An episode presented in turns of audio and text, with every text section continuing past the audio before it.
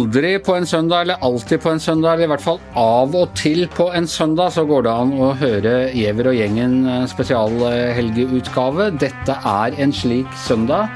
Eh, jeg har med meg vår tegner Roar Hagen. Hei, Roar. Hei, Anders. Hei. Hvor er du i eh, universet nå? Du er jo innenfor Norges grense, går jeg ut fra, men hvor? Ja, jeg er lukka inne som du, så jeg befinner meg på vestkysten. Ja, på vestkysten. Og der liker du deg godt? Ja, jeg liker meg godt med sjølukta, vet du. Den er nå fin. Du, vi skal snakke om eh, med utgangspunkt i, i, dine tegninger fra norsk politikk og ordskiftet fra uka som gikk, og jeg har med meg, eller vi har med oss også Tone Sofie Aglen og Hanne Skartveit. Hei til dere to. Hei, hei. Hallo. Det er eh, diverse ting som har Dette føler jeg har vært en uke som hvor, hvor eh, norsk eh, politikk har vært ganske Eller hvor norske saker har vært ganske dominerende på, på dagsordenen, til tross for at det brenner i USA og litt andre steder. Og en av de mm, sakene som virkelig har vakt engasjement, vil jeg si, både i sosiale medier og i avisspaltene, det er Eh, det er Altså, smittetallene har gått opp igjen. Og selv om det ikke er en direkte resultat av, så har det vært koblet til denne store eh, demonstrasjonen, antirasistiske demonstrasjonen eh, i eh, Oslo forrige helg. Og Roar, du kommenterte den med en tegning av eh, et eh, en eldre menneske som ligger i respirator på sykehjem, og så står det 'Old Lives Matter Too'. Ja, jeg har jo selvfølgelig hjerte for alle som demonstrerer. og kan ha hjerte for mange saker også, så, så, jeg vil jo ikke rokke ved det på noen som helst måte. Men jeg kom til å tenke på de gamle da, som ligger forsvarsløse i sin eh, posisjon her og, og blir smitta av andre. Og, og, eh, jeg ville bare minne om at vi må aldri glemme de som er mest utsatt for å få denne fryktelige sykdommen. Så det var mer som en påminnelse fra min side, mer enn å herje med demonstranter som sådan. Det, det, det, må vi ha hjerte for, men var situasjonsbetinga. Og dette skulle akkurat til å ta opp for vår kollega i eh, etasjen et par eh, lenger ned, han eh, Joakim Lund. Han skrev en ganske skarp kommentar om, om dette med å demonstrere og åpne for smittefare. Men så har han skrevet at alle liv teller. Og der, det vakte kjempereaksjoner fordi det er en sånn direkte oversettelse av 'All Lives Matter', som altså er eh, hva skal du si eh, liksom motsatsen til, til, 'Black Lives Matter' i USA. Var det en fortjent kritikk han fikk der, syns du, Hanne? Det var i hvert fall eh, Altså, Alle er jo veldig sårbare om dagen, og det er høy temperatur. Men det som overrasket meg med det, var at han tydeligvis ikke visste hva det begrepet innebar. For det har en veldig du kan si at det er helt riktig at alle liv teller, men når du ser hvilken eh, symbolsk betydning det har nettopp i USA under disse demonstrasjonene, hvor det har en helt annen motsatt eh, mening der, som en motsats til Black Lives Matter, så er det klart at det var rart at han ikke visste det. At han ikke skjønte at det, det var ikke bevisst brukt som et retorisk poeng. da. Han kunne brukt det som et retorisk For det var det helt åpenbart. Bart ikke han hadde sympati for saken. Det var ikke noe tvil om det. i Absolutt. Og han kunne til og med ha brukt det og sagt at det, det er et uttrykk som brukes på den måten, men jeg velger her å bruke det annerledes. Han kunne gjort det, Hvis han var bevisst på det, så kunne han på en måte kanskje ha brukt det på en annen måte, men han visste ikke hva det sto for, og det syns jeg var rart. Ja, Roar, du er bare et par bokstaver unna. jo, men jeg kan jo, jeg kan jo tilføye at eh, jeg har en viss forståelse for Lund, at han kom i denne situasjonen. For min del så brukte jeg enormt med tid og tankekraft på å innrette tegninga riktig. Fordi, fordi, det må være uangripelig, og det må være Det må være vanskelig å tillegge deg feil, feil intensjon. For da er du ferdig, vet du. Så, så, jeg brukte veldig mye tid på å innrette den rett, og at du skulle få en, en, en, en rikt, et riktig format inn mot de sårbare. At vi må ikke glemme de sårbare her, i vår iver etter å samles. Det var det som var min. Det, jeg har ikke fått noe slakt, altså. Ikke noen negative reaksjoner? Nei, bare, bare takk. Veldig mye takk. Det får jeg også alltid når jeg skriver. Bare takk. Nei da, jeg bare tuller. Nei, men jeg får ofte kjeft. Men i denne anledningen Men det er akkurat som du nevner. Ingen har misforstått det? Nei. nei. Og, og, faren for å bli misforstått i dagens totalitære Nei, hva skal vi si? Dagens eh, totalitære samfunn. nei, du Jo, men vi er på vei dit. Jeg skjønner hva du mener. Men jeg må nesten stå fram her, eh, for jeg kunne ha gjort akkurat den samme tabben, om du kan kalle det som Joakim Lund. Jeg eh, var ikke klar over det der i det hele tatt. Og, og, sånn føler jeg det med veldig mye av den identitetspolitiske debatten. Jeg fikk litt sånn sjokkoppvåkning den gangen det ble sånn opprør rundt uh, Siv Jensen i indianerkostyme. Og her, her, tror jeg faktisk er litt sånn herre i hvilke miljøer man er. For uh, i, i, Trøndelag, for å si det sånn, så, så, har det ikke vært noe mye, mye sånn, der, sånn debatt rundt den her identitetspolitikken. Den er nok mer i, i noen miljø, så jeg sitter liksom litt sånn med store ører og øyne og og, og, kunne lett ha plumpa uti. Jeg syns ofte at man er veldig streng med de som uh, gjør uh, denne type uh, tramper ut noen ting. Jeg kunne ønske at man kunne sagt ting på en litt sånn fin uh, måte, istedenfor det veldig opphausinga som vi ser i særlig sosiale medier. Her er jeg helt enig med Tone Sofie. og det er klart at Vi ser jo mer og mer at folk leser hverandre med tillegge hverandre de verste intensjoner og verste motiver, istedenfor av og til å prøve å lese hverandre i beste mening og si ok, det var kanskje klønete, men vi skjønner at du ikke står for det jeg nå tillegger deg. Ja. Eh, vi skal vasse litt lenger ut i den identitetspolitiske myra da, og nå passer dere på hva dere sier så det ikke blir bråk. Men det er altså dette, det er statuene. Vi diskuterte det på, før helgen, Hanne, du og jeg og Yngve Kvistad.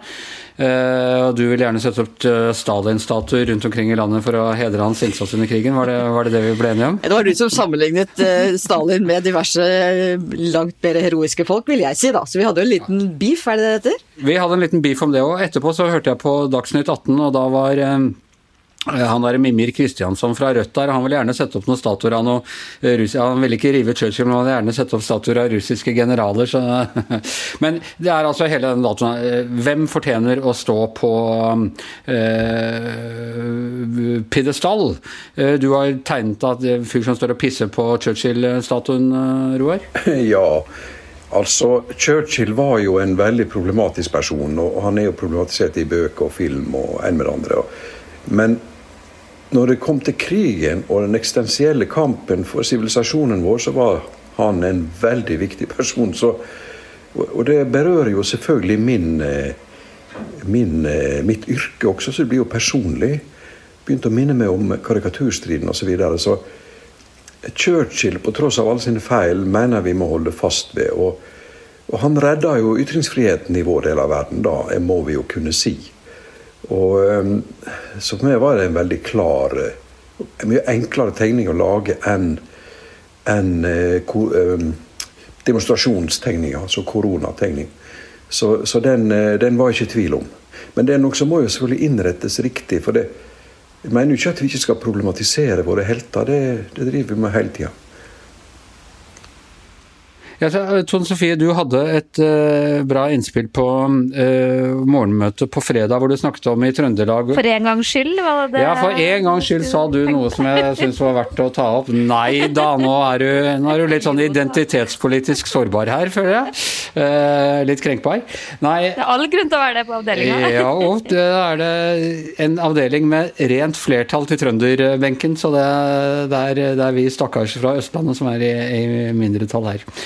Men eh, du hadde et bra innspill på, på, før helgen her, eller om eh, det problemet med å sette opp statuer av folk, også av levende mennesker? Eh, ja, og det har egentlig vært en, sånn, eh, en sak jeg var sånn opptatt av i min skumle fortid i, i, politikken. For det var en sånn veldig sånn stor iver eh, eh, der tror jeg ikke Trøndelag er så mye annerledes enn andre, andre steder. At alle mulige som betydde noe for byen, eh, alt fra Arve Tellefsen og Liv Ullmann og Hjallis, jeg vet ikke hva. Alle skulle liksom på sokkel, og masse sånn, private folk hadde lagd eh, sine statuer. Og så, og så ble liksom politikerne ofte litt sånn og så er det vanskelig å liksom være litt sånn negativ, for det er jo godt ment og alt det der. Men um, jeg mener at vi burde være mye mer restriktive med, med den type statuer. For uh, historien viser jo det at det som er helt uproblematisk i nåtid, trenger jo ikke nødvendigvis å være det. og er det nødvendigvis å ha alle mulige mennesker stående på en sokkel rundt omkring, som er liksom den,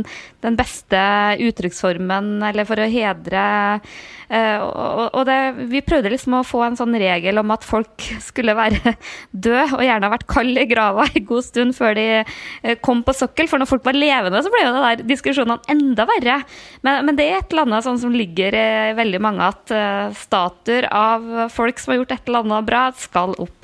Hva tenker du om det, Hanna? Er ikke, altså, er ikke, viser ikke dette egentlig at Altså, Statuer er jo på en måte feil i utgangspunktet. Ingen mennesker er den type ikoner som vi gjør dem til når vi setter dem eh, opp på statue. Det er jo bare slavehandlere og holocaustfornektere og jeg vet ikke hva, hele gjengen. det er litt avhengig av hvordan vi ser en statue. Om vi ser en statue og dermed også ser enkelte mennesker, for det er det det handler om å reflektere. Om vi ser enkelte mennesker som gjør store ting som bare perfekte, eller om vi erkjenner både i møte med eh, store mennesker i levende livet og i fortiden som ok, de har gjort bra ting, men de har også dårlige sider. For jeg tror det ligger en slags forventning om at de som er på statue er perfekte. Nei, ingen mennesker er perfekte.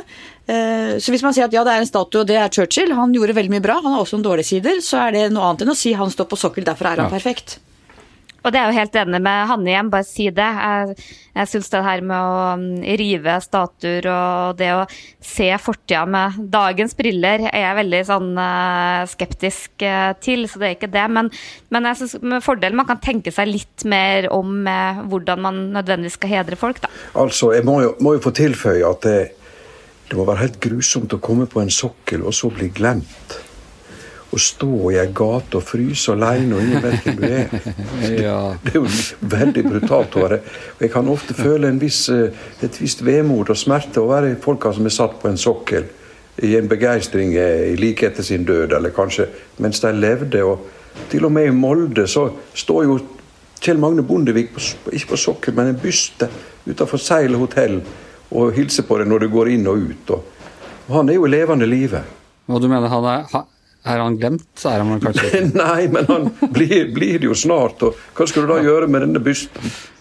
Og så blir det full av fugleskitt. Jeg, altså, jeg går stadig forbi kong Olav nede ved rådhuset. Jeg syns det er helt majestetsfornærmende å se hvordan måkeskitten renner nedover trynet på han. Stakkars, Eh. stakkars Laffen må stå nede i den parken der. Og, det, er, det, er, det, det er brudd på Grunnloven. Altså Kongens person er hellig. Han skal ikke klandres eller bæsjes på. Uh, Så det er egentlig av hensyn til statuen og de de representerer, vi bør rive dem ned. Ja, nei, jeg er Men jeg, vi bør tenke oss om før vi setter opp. det er jeg, helt, jeg er enig i det. Og så tenker jeg også at noen av de statuene kanskje kan settes i en egen sånn status, statuepark, hvor man kan få vite litt mer om dem enn en det inntrykket man bare får når de står der og pranger seg på hesten sin. Men, men eh, jeg må hvert fall tilføye da at det, da, det er jo en fornuftig måte å, å håndtere på. Men vi må ikke gi etter for totalitært press for å fjerne av politiske grunner og sånne ting. Må vi aldri gå inn. Kan ikke la mobben bestemme. Nettopp. Men eh, vi skal videre i, eh, i eh, programmet. Eh, du har en tegning av finansministeren eh, og um, Tangen også denne uka. Og det er, det er kanskje den hotteste politiske saken nå uka som gikk, Roar? Ja, jeg har jo du vet, Jeg klarer ikke å hisse meg helt oppover at en veldig rik mann vil gi vekk pengene sine. og sånn, Så jeg har jo Jeg, jeg føler ikke noe agg til Tangen, så jeg, jeg prøver å, å skildre Sanners situasjon, så man skal bruke Tangen på Olsen. Og det er jo eh, Det er jo eh, fødselstangen på Olsen. Så Nei, det er vanskelig sak, altså. Og eh, Men jeg ser altså, Hanne, Hanne, du klarer å engasjere deg litt i at en veldig rik mann bare vil gi bort pengene sine, snill som han er. Ja, det er derfor vi har skrevet så mye om Tangen, fordi han vil gi bort alle pengene sine som den snille mannen han er. Nei, Roar Hagen, det er altså ikke derfor. Dette handler om ryddighet rundt en ansettelse av han som skal forvalte vår sparebøsse. Åpenhet og etterprøvbarhet. Dette har og jeg diskutert mye i lange drag, og av og til blitt fryktelig irritert på hverandre, tror jeg. Og det har vi av og til gjort på, på, på ledermøtet i kommentaravdelingen òg. Men uh, Tone Sofie og Hanne, er Stortinget nå den rette instans til å avgjøre dette? Er ikke dette et knefall liksom, for prinsippet om at eh, eh, politikerne ikke skal blande seg inn i eh, rentepolitikk og Norges Bank og, og sånne ting? Jo, Det er jo det som er det ekstremt fascinerende her, at dette er jo egentlig ikke Stortingets sak. Stortinget har et tilsynsorgan, representantskapet, som skal kontrollere at Norges Bank følger lover og retningslinjer osv. Norges Bank har ansvar for å ansette oljefondsjef. Det kom ny sentralbanklov i 2019, i fjor, som gjør fastslår enda tydeligere at Norges Bank er uavhengig. Og det er spørsmålet, Kjernehensynet i den uavhengigheten, er det å fastsette renter og pengetrykking og den type ting, eller er det det å ansette oljefondssjef? Uansett så er det Norges Bank som skal ansette Tangen. Men nå har vi kommet dit med så mye skudd og mudder og så mye greier at den har havnet på Stortingets bord, og ingen vet riktig hva de skal gjøre, hvordan de skal håndtere dette. Tone Sofie, blir det en vakker uh, forestilling i Stortinget når de skal behandle denne saken? Nei, det tror jeg overhodet ikke. Og jeg ser med en viss gru på vegne av med Norges Banks eh, øyne eller briller hvordan det her skal, skal gå. For du skal liksom la det her gå gjennom en eh, sommer hvor politikere har behov for markering, og vi ser jo allerede nå at at at reaksjonene på saken tar, ta veldig sånn uh, partipolitiske briller. Du har liksom Rødt som er aller mest kritisk, og så har du SV og Senterpartiet som hiver seg på. Og så tror jeg på en måte du har regjeringa som sikkert har sine meninger i de, i de, stille rom, men som syns det her er veldig ubehagelig og ikke ønsker på en måte å, å inn i det her. Og da blir jo spørsmålet igjen, da, hva gjør Frp?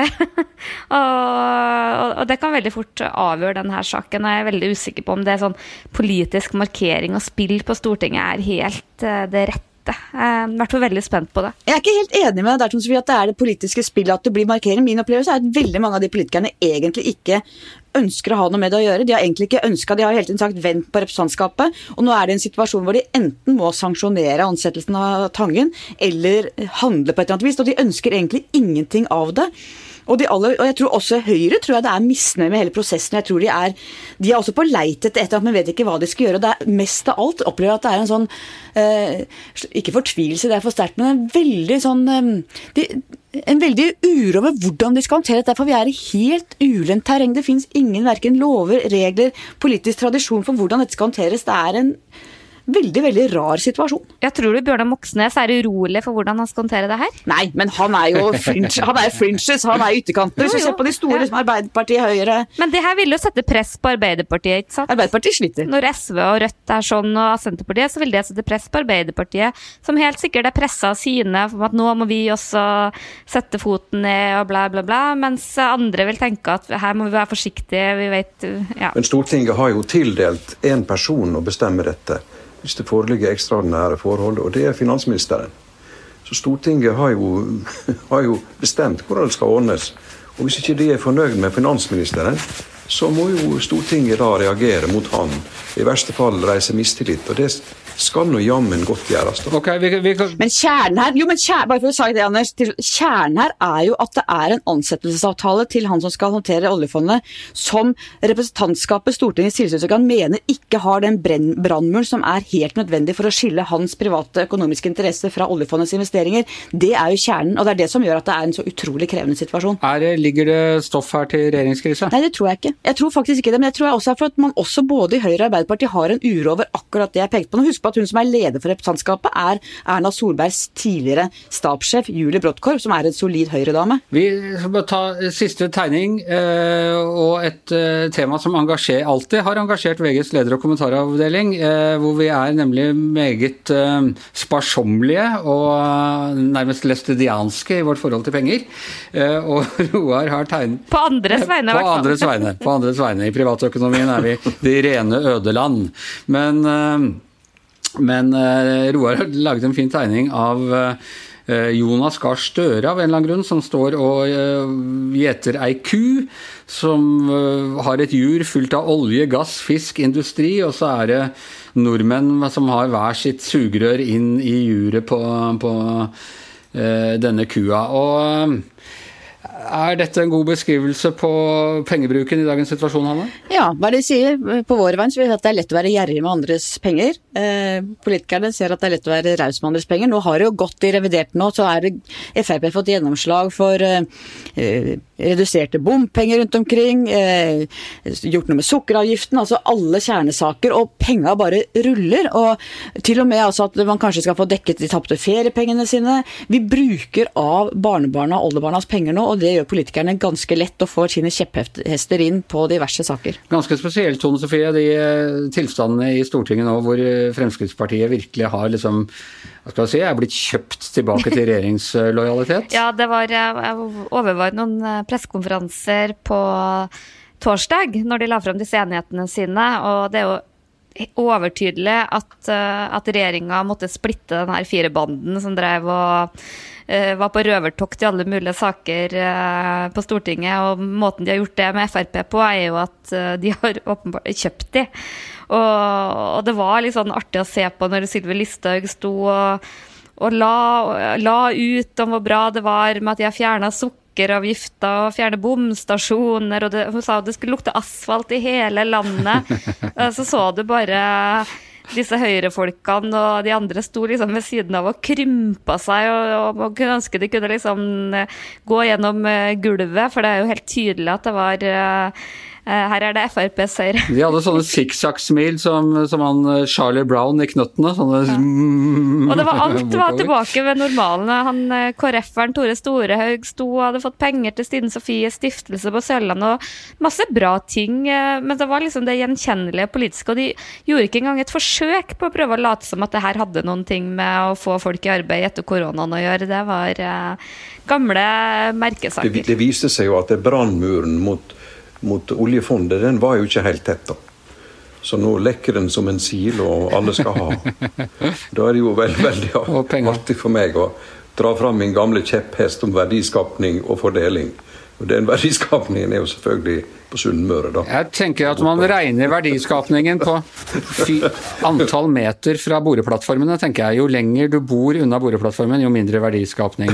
Nettopp. Du kan si det sånn. Og særlig vi, Anders, Anders, du og jeg som er fra sentrale østlandsområdet, vi er, de, vi er parasitter som bare suger ut sunnmøringenes skaper. Eh, vi lever av å servere hverandre caffè latte, og det viste seg da koronaen kom at det var eh, det med å klippe hår på hverandre. Det var viktigere enn det folk, eh, folk skjønte.